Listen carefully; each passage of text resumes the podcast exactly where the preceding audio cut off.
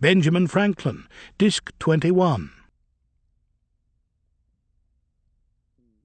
The Aspiring Tradesmen of Boston and Philadelphia. The most unusual provision in the codicil to Franklin's will was a trust he established.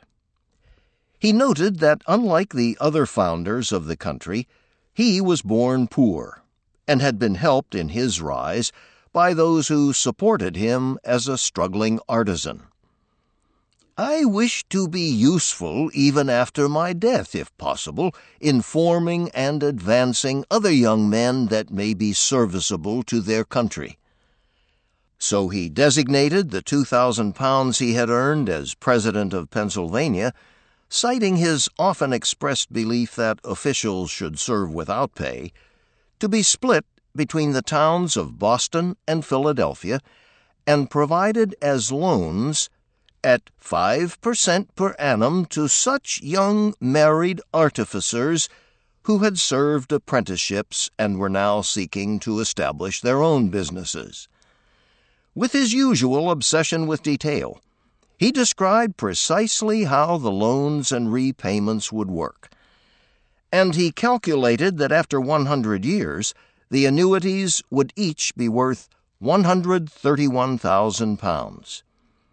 At that time, the cities could spend 100,000 pounds of it on public projects, keeping the remainder in the trust, which after another hundred years of loans and compounded interest would, he calculated, be worth four million sixty-one thousand pounds. At that point, the money would go into the public treasury.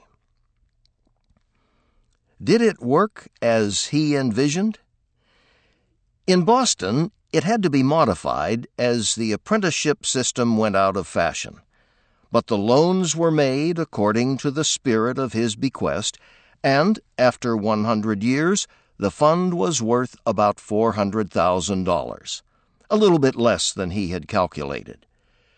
At that point, a trade school, Franklin Union, now the Benjamin Franklin Institute of Technology, was founded with three fourths of the money plus a matching bequest from Andrew Carnegie, who considered Franklin a hero. The rest remained in the trust. A century later, that amount had grown to nearly $5 million. Not quite the equivalent of four million pounds, but still a sizable sum. As per Franklin's will, the fund was then dispersed. After a legal struggle that was settled by an act of the legislature, the funds went to the Benjamin Franklin Institute of Technology. In Philadelphia, the bequest did not accumulate quite as well. A century after his death, it totaled $172,000, about one quarter of what he had projected. Of that sum, Three fourths went to establish Philadelphia's Franklin Institute, still a thriving science museum, with the remainder continued as a loan fund for young tradesmen, much of it given as home mortgages. A century later, in 1990, this fund had reached $2.3 million. Why was it less than half of what Boston had? One Philadelphia partisan charged that Boston had turned its fund into a savings company for the rich.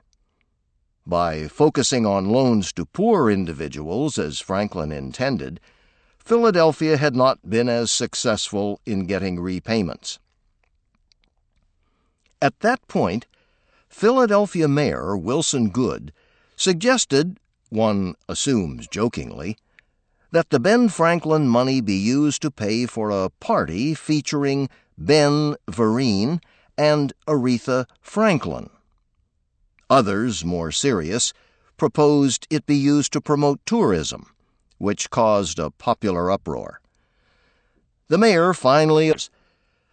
Some of these scholarship recipients from a poor high school in West Philadelphia used a $4,300 grant from the father of electricity to build a battery powered car that won the race's Power of Dreams Award. Chapter 18 Conclusions. History's Reflections Mankind divides into two classes, the Nation magazine declared in 1868 the natural born lovers and the natural born haters of Benjamin Franklin. One reason for this split is that he does not, despite what some commentators claim, embody the American character. Instead, he embodies one aspect of it he represents one side of a national dichotomy that has existed since the days when he and Jonathan Edwards stood as contrasting cultural figures. On one side were those, like Edwards and the Mather family, who believed in an anointed elect and in salvation through God's grace alone. They tended to have a religious fervor a sense of social class and hierarchy, and an appreciation for exalted values over earthly ones. On the other side were the Franklins, those who believed in salvation through good works, whose religion was benevolent and tolerant, and who were unabashedly striving and upwardly mobile. Out of this grew many related divides in the American character, and Franklin represents one strand the side of pragmatism versus romanticism, of practical benevolence versus moral crusading. He was on the side of religious tolerance rather than evangelical faith, the side of social mobility rather than an established elite the side of middle class virtues rather than more ethereal noble aspirations.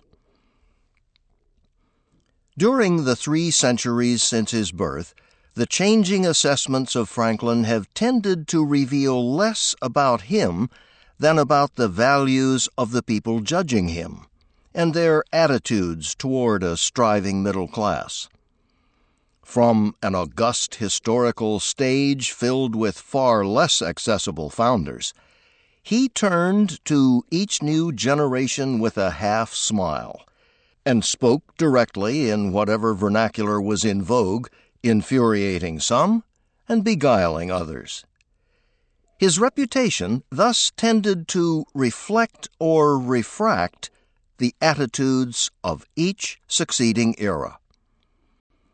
In the years right after his death, as personal antagonisms faded, reverence for him grew.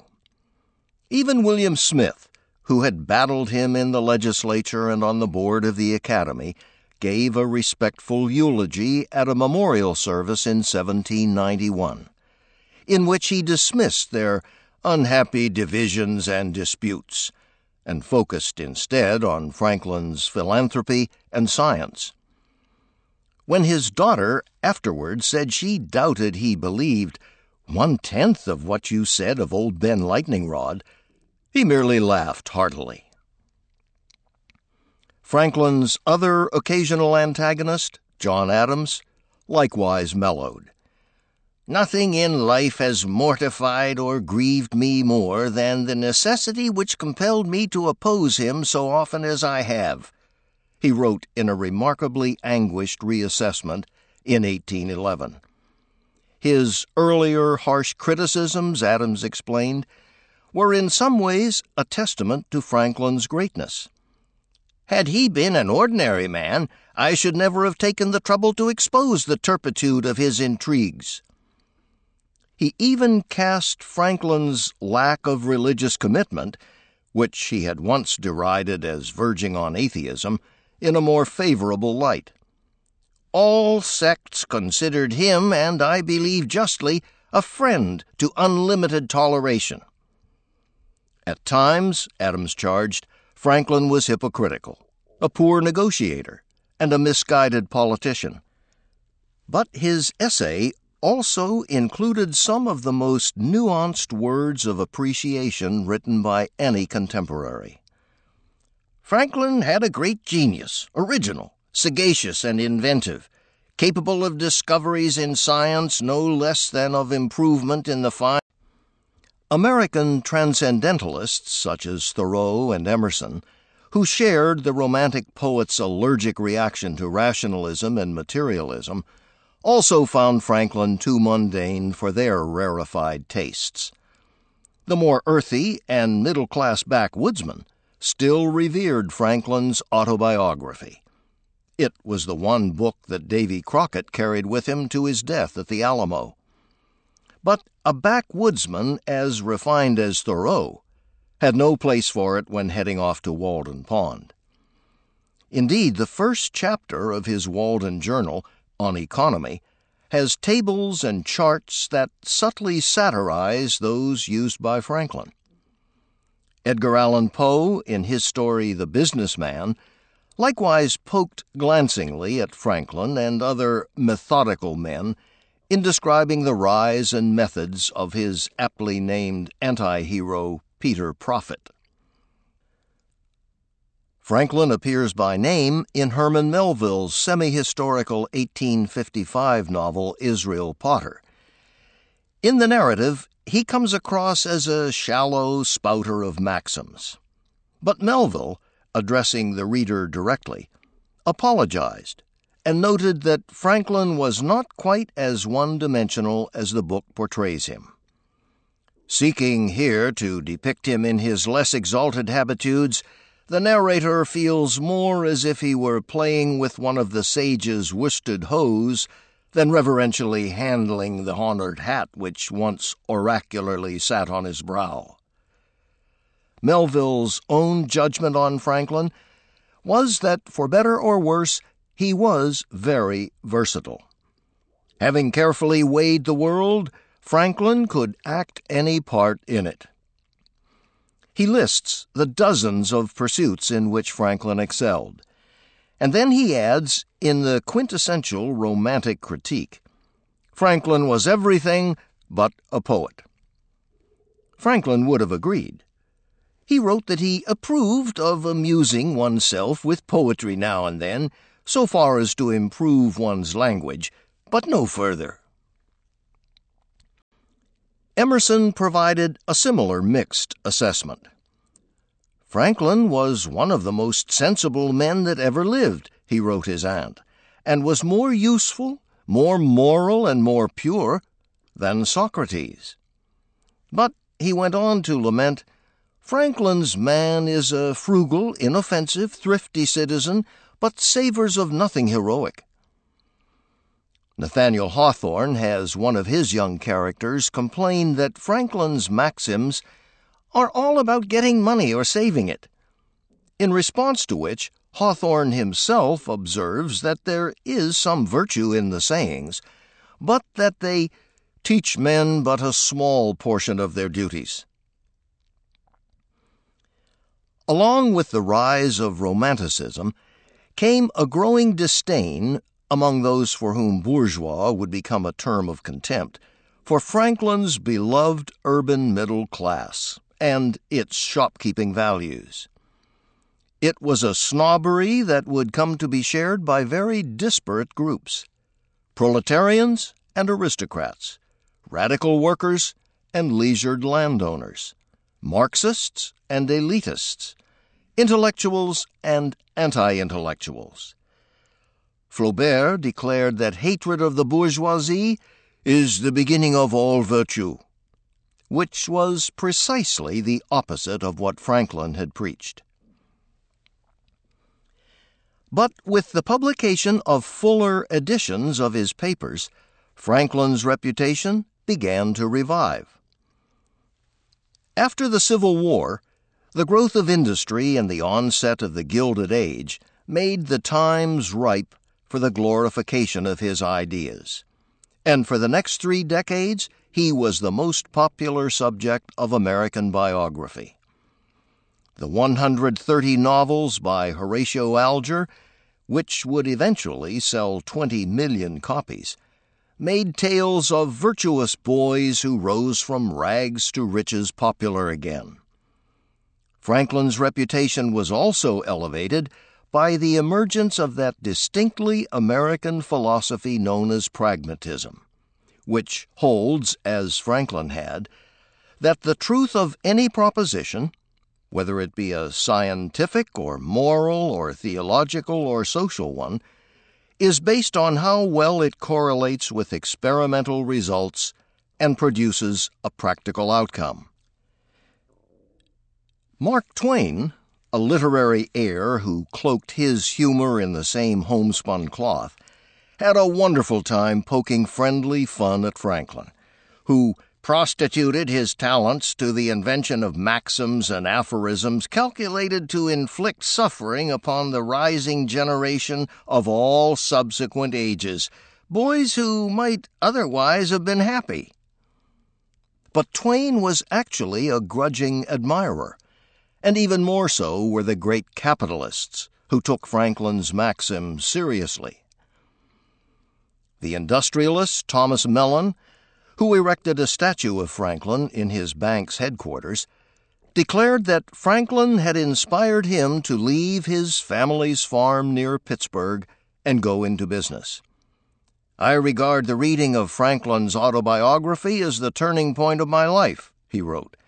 Here was Franklin, poorer than myself, who by industry, thrift, and frugality had become learned and wise and elevated to wealth and fame.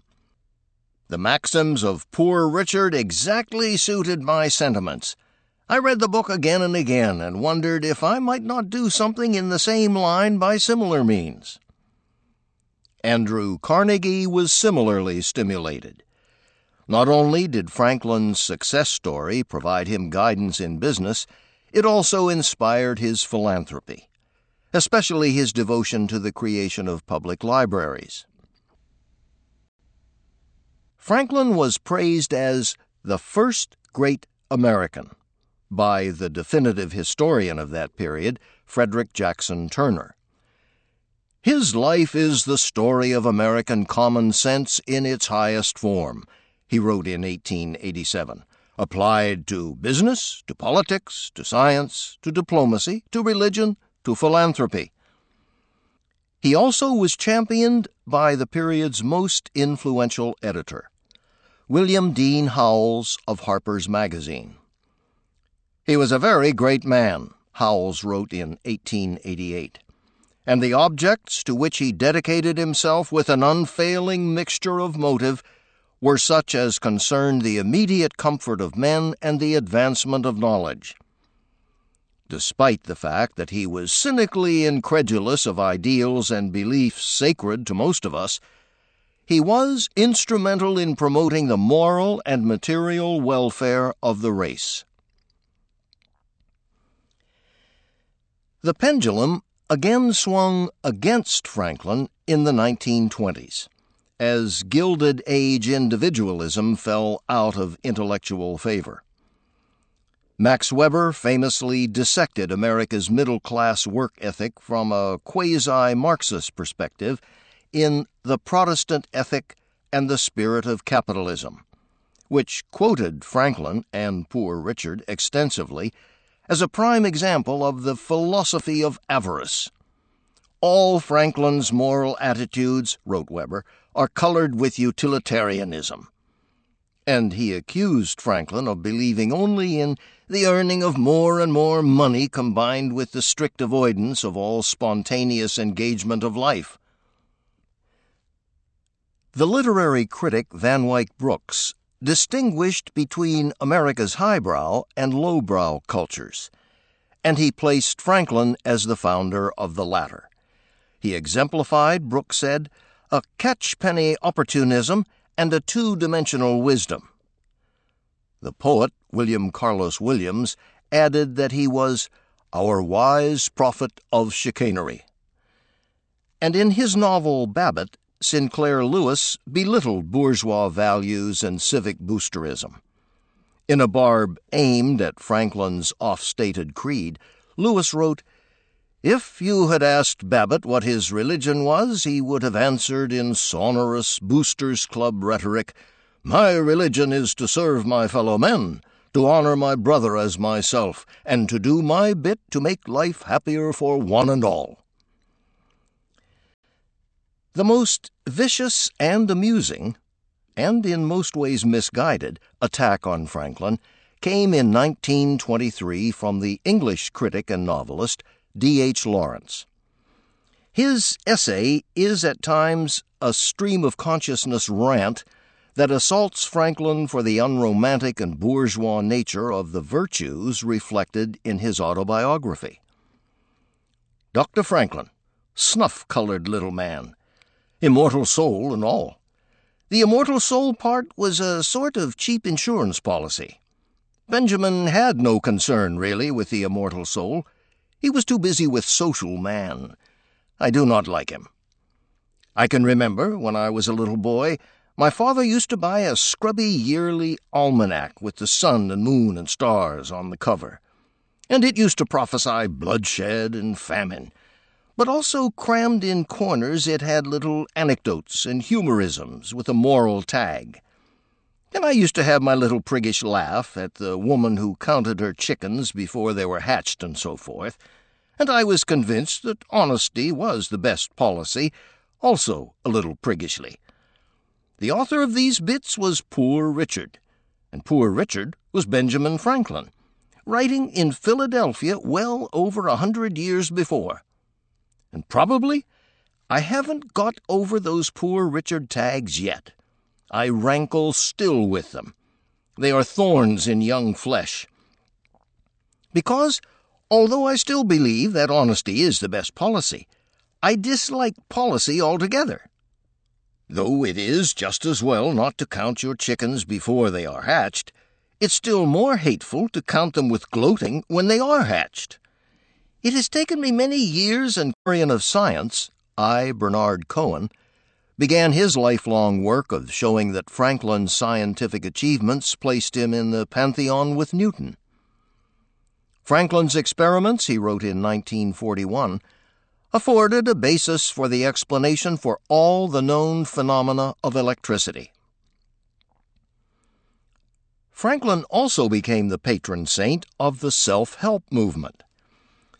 Dale Carnegie studied the autobiography when writing How to Win Friends and Influence People, which, after its publication in 1937, helped launch a craze that persists to this day for books featuring simple rules and secrets about how to succeed in business and in life.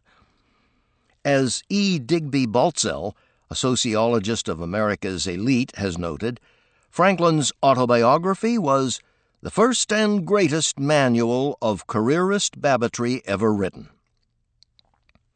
Stephen Covey, the guru of the genre, referred to Franklin's system in developing his bestseller, The Seven Habits of Highly Effective People. And a national chain of stores now sell Franklin Covey organizers and other paraphernalia featuring Franklin's ideas. By the beginning of the 21st century, the self help shelves of bookstores were filled with titles such as Ben's Book of Virtues Ben Franklin's Simple Weekly Plan for Success and Happiness. Ben Franklin's 12 Rules of Management. The founding father of American business solves your toughest problems. Benjamin Franklin's The Art of Virtue. His formula for successful living. The Ben Franklin Factor. Selling one to one. And Healthy, Wealthy, and Wise Principles for Successful Living from the Life of Benjamin Franklin. And Seldom troubled his soul with questions about grace, salvation, the divinity of Christ, or other profound issues that did not lend themselves to practical inquiry. He was at the other extreme from the anguished, soul searching Puritans. As he had no factual evidence about what was divinely inspired, he settled instead for the simple creed that the best way to serve God was doing good to others. His moral beliefs were likewise plain and earthly, focused on practical ways to benefit others. He espoused the middle class virtues of a shopkeeper and he had little interest in proselytizing about higher ethical aspirations. He wrestled more with what he called errata than he did with sin. As a scientist, he had a feel for the mechanical workings of the world, but little appreciation for abstract theories or the sublime. He was a great experimenter and clever inventor, with an emphasis on things useful. But he had neither the temperament nor the training to be a profound conceptualizer. In most of the endeavors of his soul and mind, his greatness sprang more from his practicality than from profundity or poetry. In science, he was more an Edison than a Newton. In literature, more a Twain than a Shakespeare. In philosophy, more a Dr. Johnson than a Bishop Berkeley. And in politics, more a Burke than a Locke. In his personal life as well, there was likewise a lack of soulful commitment and deep passion. He frequented many antechambers, but few inner chambers. His love of travel reflected the spirit of a young runaway, one who had run from his family in Boston. From Deborah, when he first thought of marriage, he did, in his own version of a moral calculus, we can list all the pros on the other side and determine if, as I think is the case, they outweigh the cons.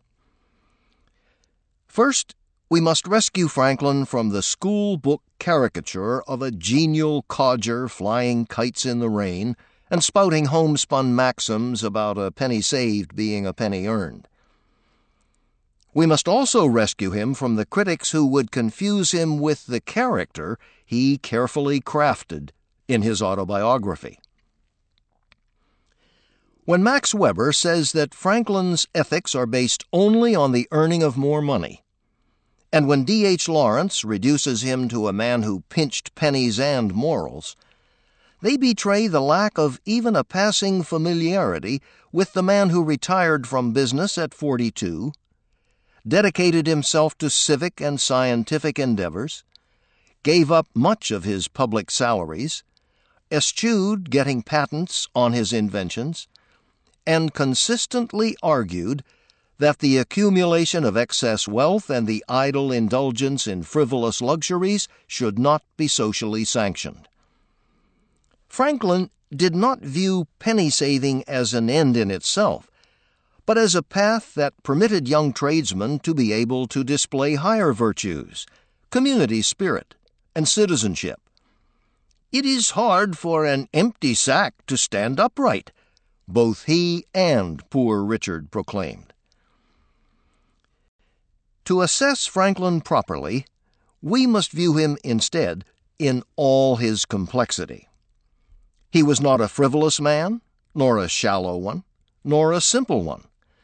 There are many layers to peel back as he stands before us so coyly disguised, both to history and to himself, as a plain character unadorned by wigs and other pretensions. Let's begin with the surface layer. The Franklin who serves as a lightning rod for the Jovian bolts from those who disdain middle class values. There is something to be said, and Franklin said it well and often, for the personal virtues of diligence, honesty, industry, and temperance, especially when they are viewed as a means toward a nobler and more benevolent end. The same is true of the civic virtues Franklin both practiced and preached.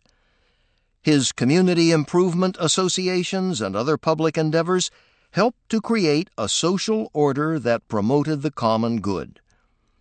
Few people have ever worked as hard or done as much to inculcate virtue and character in themselves and their communities.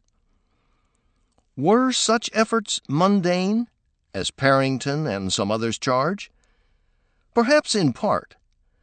But in his autobiography, after recounting his effort to pave Philadelphia's streets, Franklin provided an eloquent defense against such aspersions. Some may think these trifling matters not worth minding or relating, But when they consider that though dust blown into the eyes of a single person, or into a single shop on a windy day, is but of small importance, yet the great number of the instances in a populous city and its frequent repetitions give it weight and consequence, perhaps they will not censure very severely those who bestow some attention to affairs of this seemingly low nature. Human felicity is produced not so much by great pieces of good fortune that seldom happen, as by little advantages that occur every day. Likewise, although a religious faith based on fervor can be inspiring, there is also something admirable about a religious outlook based on humility and openness. Charles Angoff has charged that his main contribution to the religious question was little more than a good natured tolerance. Well, perhaps so. But the concept of good natured religious tolerance was in fact no small advance for civilization in the 18th century. It was one of the greatest contributions to arise out of the Enlightenment, more indispensable than that of the most profound theologians of the era. In both his life and his writings, Franklin became a preeminent proponent of this creed of tolerance. He developed it with great humor in his tales, and with an earnest depth in his life and letters. In a world that was then as, alas, it still is now, bloodied by those who seek to impose theocracies. He helped to create a new type of nation that could draw energies cramped under Puritanism. As Henry Steele Commager declared in The American Mind, in a Franklin could be merged the virtues of Puritanism without its defects, the illumination of the Enlightenment without its heat. So, does Franklin deserve the accolade accorded by his great contemporary David Hume of America's first philosopher? To some extent, he does. Disentangling morality from theology was an important achievement of the Enlightenment, and Franklin was its avatar in America. In addition, by relating morality to everyday human consequences, Franklin laid the foundation for the most influential of America's homegrown philosophies, pragmatism. His moral and religious thinking, when judged in the context of his actions, writes James Campbell, becomes a rich philosophical defense of service to advance the common good. What it lacked in spiritual profundity, it made up for in practicality and potency. What about the charge that Franklin was too much of a compromiser instead of a heroic man of principle? Yes, he played both sides for a few years in the 1770s when he was trying to mediate between England and America. Yes, he was somewhat squishy in dealing with the Stamp Act, he had taught himself as a young tradesman to avoid disputatious assertions, and his habit of benignly smiling while he listened to all sorts of people made him seem at times duplicitous or insinuating. But once again, there's something to be said for Franklin's outlook, for his pragmatism, and occasional willingness to compromise. He believed in having the humility to be open to different opinions. For him, that was not merely a practical virtue, but a moral one as well. It was based on the tenet, so fundamental to most moral systems, that every individual deserves respect. During the Constitutional Convention, for example, he was willing to compromise some of his beliefs to play a critical role in the conciliation that produced a near perfect document. It could not have been accomplished if the hall had contained only crusaders who stood on unwavering principle. Compromisers may not make great heroes, but they do make democracies. More important, Franklin did in fact believe uncompromisingly in a few high principles, very important ones for shaping a new nation, that he stuck to throughout his life. Having learned from his brother a resistance to establishment power, he was ever unwavering in his opposition to arbitrary authority. That led him to be unflinching in opposing the unfair tax policies the Penns tried to impose, even when it would have served his personal advantage to go along. It also meant that, despite his desire to find a compromise with Britain during the 1770s, he adhered firmly to the principle that American citizens and their legislatures must not be treated as subservient. Similarly, he helped to create, and came to symbolize, a new political order in which rights and power were based not on the happenstance of heritage, but on merit and virtue and hard work. He rose up the social ladder, from runaway apprentice to dining with kings, in a way that would become quintessentially American.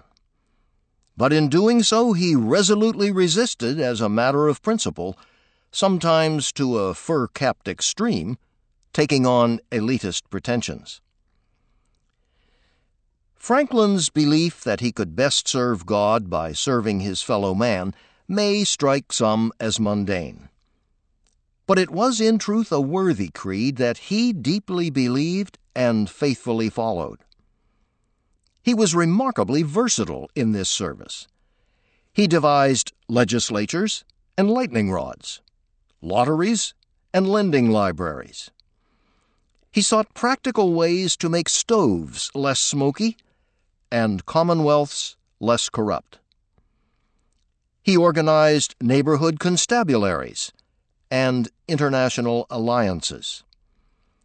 He combined two types of lenses to create bifocals and two concepts of representation to foster the nation's federal compromise. As his friend, the French statesman Turgot, said in his famous epigram, Eripuit coelo fulmen sceptrumque tyrannis. He snatched lightning from the sky and the scepter from tyrants.